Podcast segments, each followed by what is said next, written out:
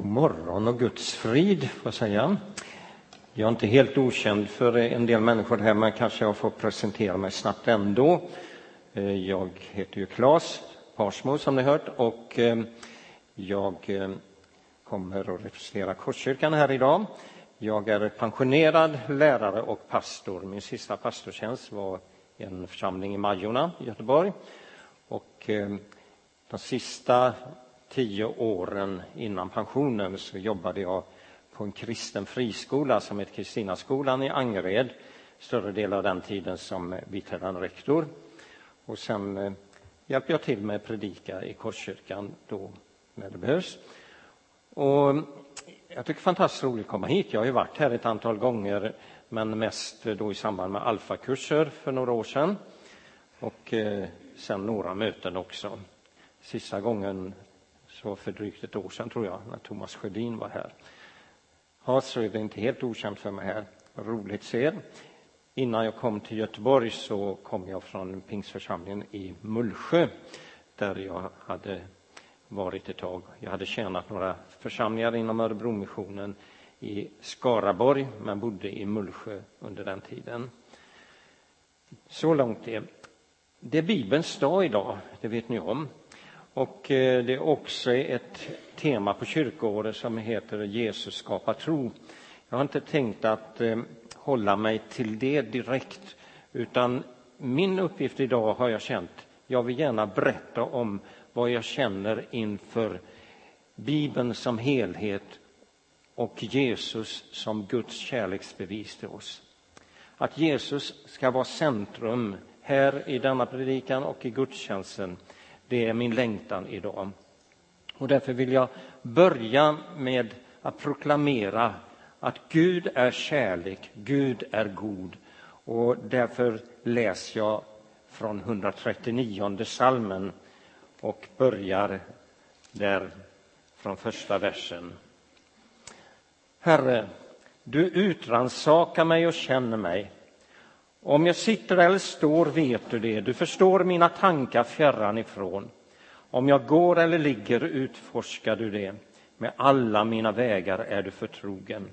Innan ett ord är på min tunga vet du, Herre, allt om det.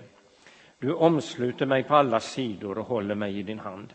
En sån kunskap är mig alltför underbar. Den är så hög att jag inte kan förstå den. Vart ska jag gå för din ande? Vart ska jag fly för ditt ansikte? Om jag far upp i himlen så är du där. Bär jag åt mig dödsriket är du där. Tar jag morgonrodnadens vingar, gör jag mig en boning ytterst i havet, skall också där din hand leda mig och din högra hand fatta mig. Om jag säger, må mörker falla över mig och ljuset blir natt omkring mig, så är inte mörkret mörk för dig. Natten ska lysa om dag som dagen och mörkret vara som ljuset. Du har skapat mina njurar. Du sammanvävde mig i moderlivet. Jag tackar dig för att jag är så underbart skapad. Ja, underbar är dina verk. Min själ vet det så väl. Benen i min kropp var osynliga för dig när jag formades i det fördolda, när jag bildades i jordens djup. Dina ögon såg mig när jag ändå var ett, ännu var ett outvecklat foster. Alla mina dagar blev skrivna i din bok. De var bestämda innan någon av dem hade kommit. Hur outgrundliga är inte dina tankar för mig, Gud? Hur stor är inte deras mångfald? Bibeln är mycket, mycket mer kärlek än någon egentligen kan tänka sig. Många gånger och det ligger lite bakom mina tankar här idag, så har jag träffat människor som inte tycker att Gud är god, fast de har läst Bibeln. De tycker inte att det är så mycket kärlek. De har hittat saker som låter hemskt och som låter dömande. Och de tycker att det här vill jag inte kännas vid. Men jag upplever att ser man Bibeln som en helhet och ser den röda tråden som går igenom den så är det faktiskt ett uttryck för Guds omsorg om varje människa på denna jord. Från början till slut kan man sammanfatta Bibelns budskap i detta. Gud vill ha tillbaka sina älskade barn. Vi har varit upproriska. Vi vill göra Gud onödig i våra liv, men ändå så finns han där. Han älskar oss och vill ha oss hem. Och Bibeln ska läsas från detta perspektiv. Och när vi gör det så upptäcker vi vad Gud vill i våra liv. Han vill ha vår tro och tillit tillbaka. Och är vi motspänstiga, då funkar det inte. För varje unik människa på denna jord har en ursprungssignatur i sitt liv. Vi är barn till Gud. Vi hör hemma hos skaparen. Att komma till Gud, att bli frälst, att komma till tro är att komma hem. Johannes 1 och 14. Ordet blev kött och bodde bland oss och vi såg hans härlighet, en härlighet som den enda sonen får av sin far och han var fylld av nåd och sanning. Det är alltså skapelsens urkraft, ursprunget, som dyker upp här också. Hela Bibeln handlar om detta att Jesus är den frälsare som folket längtar efter. Han är kärleksbeviset. Gud älskar människan och gör sig till människa genom sonen Jesus. Och när han ger sitt liv på korset så visar han att Gud själv kommer in i vårt lidande, tar våra synder på sig.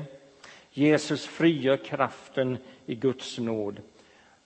Han ger förlåtelse, han ger helande för dem som vill komma till honom och be om det.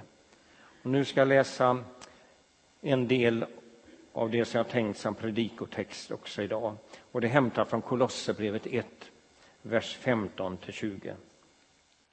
Han, Jesus, är den osynlige Gudens avbild, förstfödd före allt skapat. För i honom skapades allt i himlen och på jorden, synligt och osynligt, tron, förstar och herradömen, härskare och makter. Allt är skapat genom honom och till honom. Han är till för allt och allt hålls samman genom honom.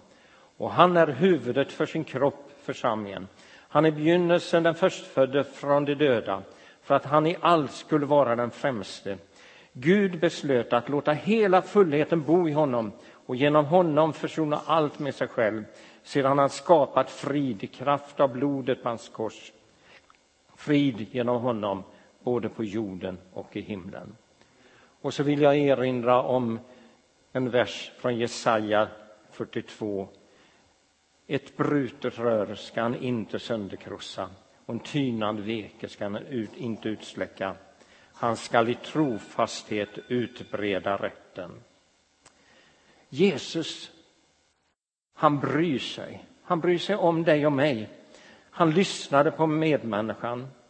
Han blev uppsökt av människor. Han botade människor. Han botade sjuka och de fick inte berätta, för han ville inte skylta med det. Han ville dra sig undan, men de berättade ju ändå. Och när han eh, då predikade, han var inte ute efter sensation på något sätt. Han var inte, han var inte ute efter människors beundran. Han sökte istället sanna lärjungar. Och när Jesus kom till jorden kände ju till och med den onda andan igen honom, vet vi. Och de sjuka flockades kring honom och syndare hällde parfym på hans huvud och fötter. Och samtidigt var det en del som förargade sig över honom, speciellt de som var extra fromma, de som skulle vara gudfruktiga, därför han hade vissa tankar om hurdan Gud är som de inte hade. Läs exempel i Johannes 4. Kommer ni ihåg berättelsen om den kvinnan vid Sykars brunn i Samarien, där Jesus kommer förbi. Normalt gick ju inte judar och pratade med samarierna. Och hon sitter där ensam, för det var en utstött kvinna, det förstår vi. Hon var inte tillsammans med de andra kvinnorna vid brunnen. Och Jesus kommer fram till henne och tilltalar henne. Hon blir jätteförvånad. Han var ju jude. Det var ju faktiskt orent för dem att ha något samröre med samarierna och speciellt med en kvinna. Men Jesus bryr sig inte om sånt, utan han avslöjar henne genom ett vänligt och fint samtal som höll på att bli till en diskussion, men han får så fint över det till hennes behov. Och det slutar med att hon upptäcker att han är Messias. Hon går ut och vittnar om honom. Tänk vad fantastiskt. Jesus visar sann kärlek. Han kombinerar barmhärtighet mot syndare och samtidigt kan han ha ett avståndstagande mot synden. För det är viktigt att skilja på det. Till exempel, ni kommer ihåg ett annat tillfälle i Johannes evangeliet, Johannes 8, så kommer Jesus just när de ska slå ihjäl en kvinna som tyckte var en så stor syndare för hon hade begått äktenskapsbrott. Vi vet inte, hon kanske till och med var prostituerad. Det står inte tydligt. Men Jesus protesterar mot deras sätt, de här som skulle stena henne, genom att visa på vad Gud verkligen vill. Visst, lagen var skriven. Det stod på ett visst sätt att den som syndade så hemskt, den skulle faktiskt avrättas. Men det stod inte bara det, och det visste Jesus. För ingen kunde egentligen avrätta någon. För vad stod det också? Den som är utan synd ska kasta första stenen. Ingen var utan synd. Den ena efter den andra bara droppade iväg. Och kvar står Jesus ensam med kvinnan. Och han frågar henne, är det ingen som dömer dig? Nej, inte heller jag gör det. Men du, gå nu och synda inte mer. Och det, det är så fantastiskt här hur Jesus visar kärleken. Men då kanske någon undrar, ja men är det rättvist? Hon, var ju, hon hade ju syndat, ska hon inte straffas för det på något sätt? Ja, det där med rättvisan, det är det inte lätt. Det står ju faktiskt om dom. Kärleken, förstår ni, är enormt mycket större än rättvisan. Båda begreppen står för godhet. Det kan vi nog hålla med om på ett sätt. Och det kan verka som det är nästan samma sak, rättvisa och kärlek. Men rättvisan står för en godhet som kräver och kärleken är en givande godhet. Och det är den som Jesus står för. Paulus skriver ju senare i Första Korinthierbrevet 13 i Kärlekens höga visa om att kärleken inte söker sitt. Kärlek och rättvisa är svåra att förena. För krävande godhet kan ta död på den godhet som vill ge. Och kärleken är inte rättvis. Den vill ge utöver vad rättvisan kräver. Och när vi tänker på det så förstår vi nog bättre hur Jesus verkade. Och det är ju så att ju mer alla lever kärlek, desto mindre behöver man prata om rättvisa. Har ni tänkt på det? Om kärleken finns är tanke på rättvisa inte bara onödig, utan rättvisetänk kan leda till att kärleken dör. Tänk efter, hur är det hemma? Om man tjatar om det ska vara rättvisa om allting, det fungerar inte hemma. Jag har sju barn, de bor inte hemma nu allihopa, men ett par av de yngsta bor faktiskt hemma fortfarande. Och skulle vi hålla på och tjata på det viset skulle det inte fungera hemma. Utan vi får ge den friheten som kärleken innebär. Men om man ska få tillbaka kärleken, då måste man också överge det där rättvisetänket. Och vad kallas det? Tänk efter. Det kallas att förlåta. Och där kommer Jesus också in. För talet om rättvisa uppstår när man inte kan lita på varandra. Det föds misstro. Det ord i Nya testamentet som används på ett fästaställe för tro skulle vi på svenska kunna använda istället ordet tillit. Genom att kräva rättvisa vill vi ofta ta kontrollen över en hotande situation. Och det är en dålig lösning. Men att förlåta är att släppa taget att inom något område förlora kontrollen. Men hur ska vi då förstå Bibeln? Här kommer Jesus faktiskt och sätter åt sidan någonting som var bestämt tidigare i Mose lag. Ja, det finns enskilda bibeltexter och händelser som vi kan läsa rakt upp och ner och som vi använder direkt i våra liv. Den underbara texten jag läser från psalm 139. Vi kan ta till oss den fullständigt och känna och inte tänka att den på något sätt skulle vara lösryckt och missanvänd. Men det finns bibeltexter jag stöter på och nu för tiden dagligen om man följer med på sociala medier finns det människor som slår med bibelord långt ifrån sina sammanhang och långt ifrån Bibelns grundbudskap. Man kan missbruka också. Men nyckeln till förståelsen ligger i helhetssynen. Att Gud är god, Gud är kärleken. Gud använde sitt folk Israel, från början en släkt som blev till folk som skulle bli till vittnesbörd för andra folk och enskilda. Och det skulle visa vägen. Vi vet av historien att det inte blev riktigt så som det var tänkt. Det fanns upproriskhet där också, precis som det finns hos alla människor. Det är ju människan som ställt eländet, det är inte Gud. Och hur texterna utformas måste förstås då utifrån det sammanhang de skrivna. Det finns tidsperiod, kultursammanhang, det finns målgrupper. Men grundbudskapet är ändå detsamma. Gud söker det förlorade. Han vill ha in dem sin omsorg, sin vila. Det vi skulle kunna säga kalla Guds shalom, Guds vila. Han ville in, ha oss in i sin frid. Och det finns en fridzon för människan. Det finns räddning och det finns frälsning. I femte Moseboken, 30 kapitel, står Mose framför folket och håller sitt sista tal nästan. Och de har samlats framför honom och de får höra återigen upprepas det som de hade bestämt i förbundet vid Sinai. Och de får höra om budorden och allt detta. Men så avslutar han med det. Jag tar idag himmel och jord till vittne mot er. Jag har förlagt dig liv och död, välsignelse och förbannelse.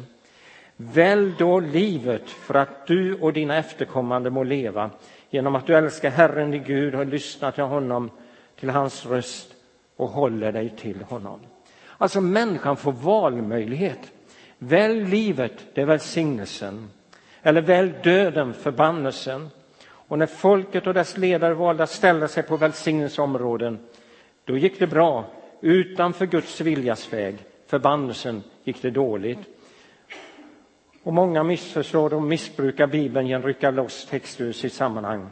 Men den återger utan censur den verklighet människan lever i. Det är tufft, vårt liv, många gånger. Det finns hemska saker, men det finns hjälp att få för att det ska fungera.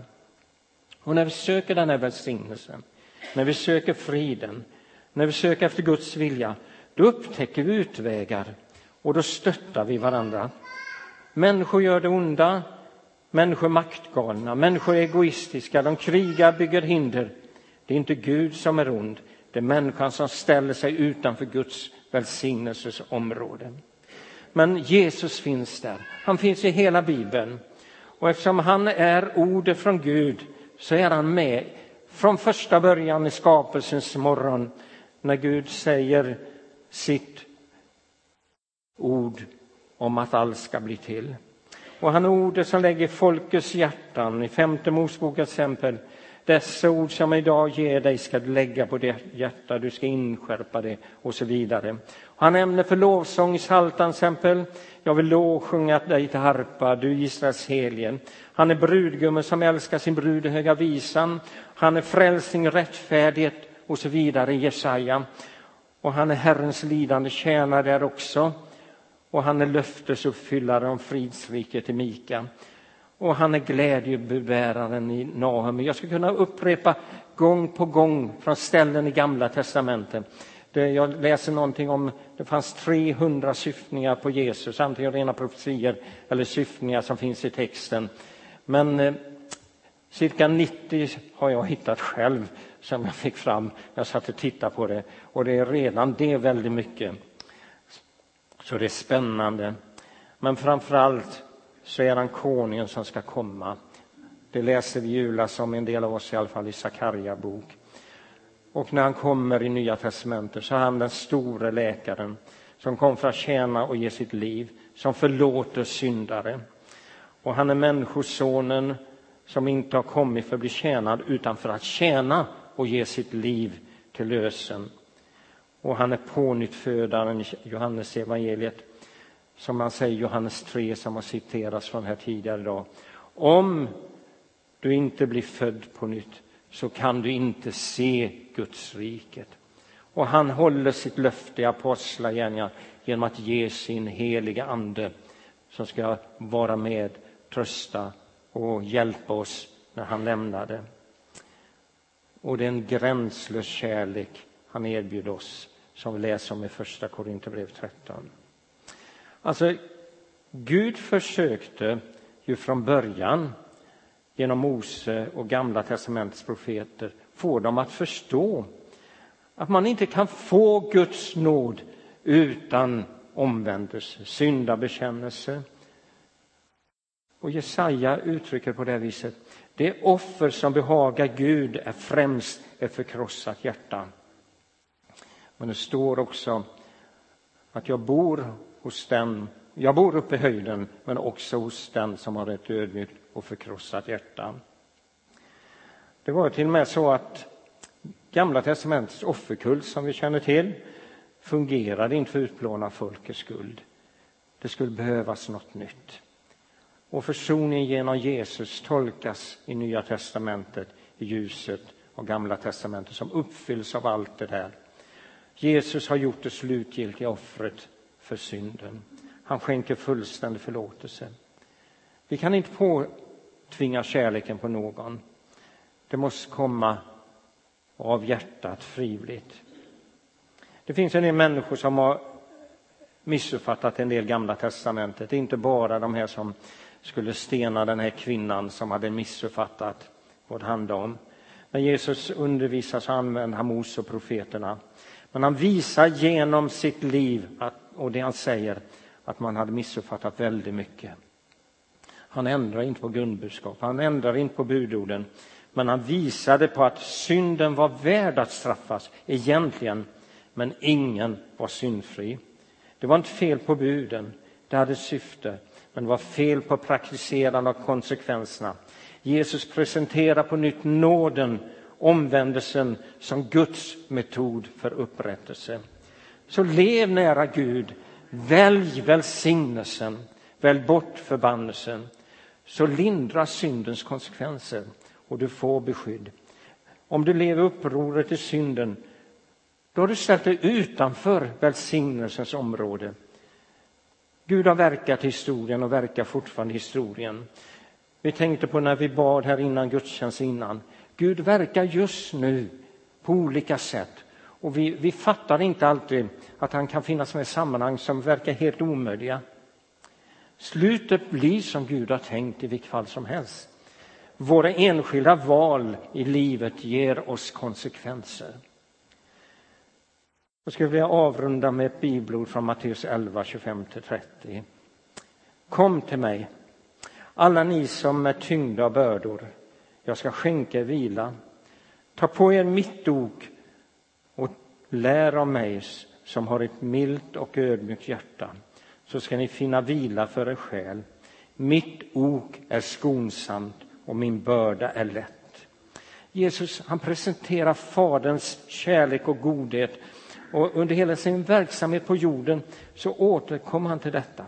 Han ville ge oss människor en positiv upplevelse, en positiv syn på Gud. Det, det är jätteviktigt att förstå detta. Gud dömer jag. Det är hans uppgift att döma. Det är inte vår uppgift. Men han är kärleken. Och vi måste komma ihåg att dom, när du står inför domaren så finns det också någonting som domaren kan göra. Nåd. Du kan bli frikänd och du kan få nåd. Det är också en dom och det glömmer vi ibland.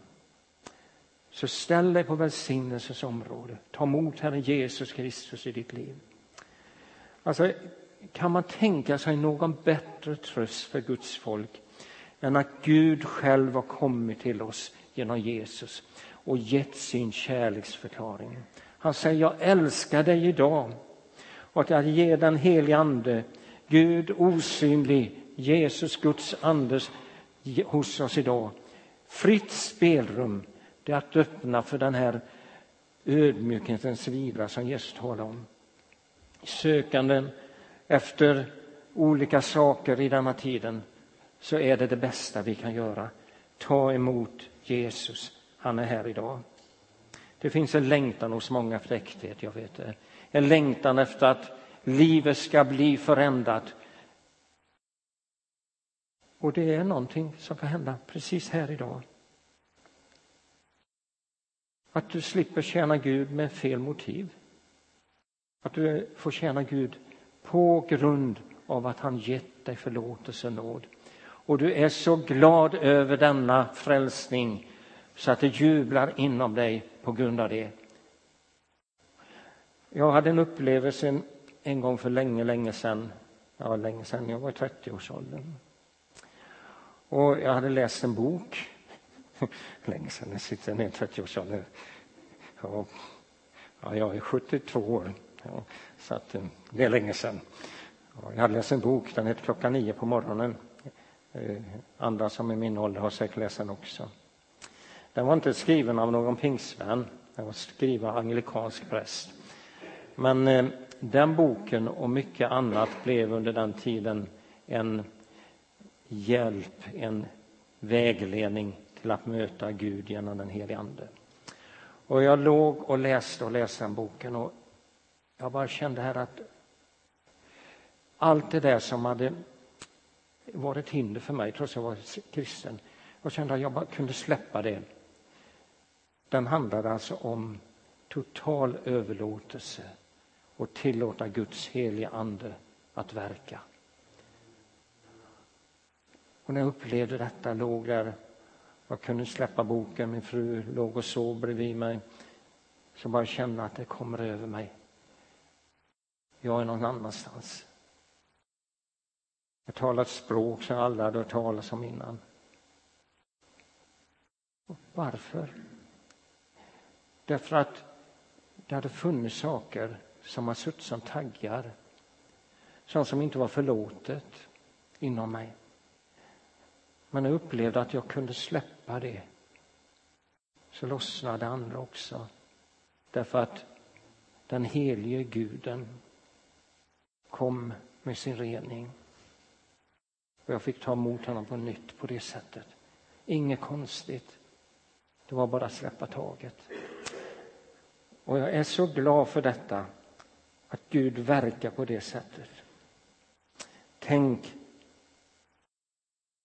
vad som kan hända när den heliga Ande får fritt spelrum i allas våra liv. Och vi inte sätter upp några spärrar, utan bara säger Kom, helige Ande, ta över mitt liv. Amen.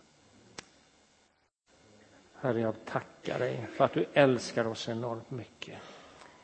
Tack för din underbara kärlek och godhet. Nu ber jag för hela församlingen här att du ska på nytt möta med det som du har lovat.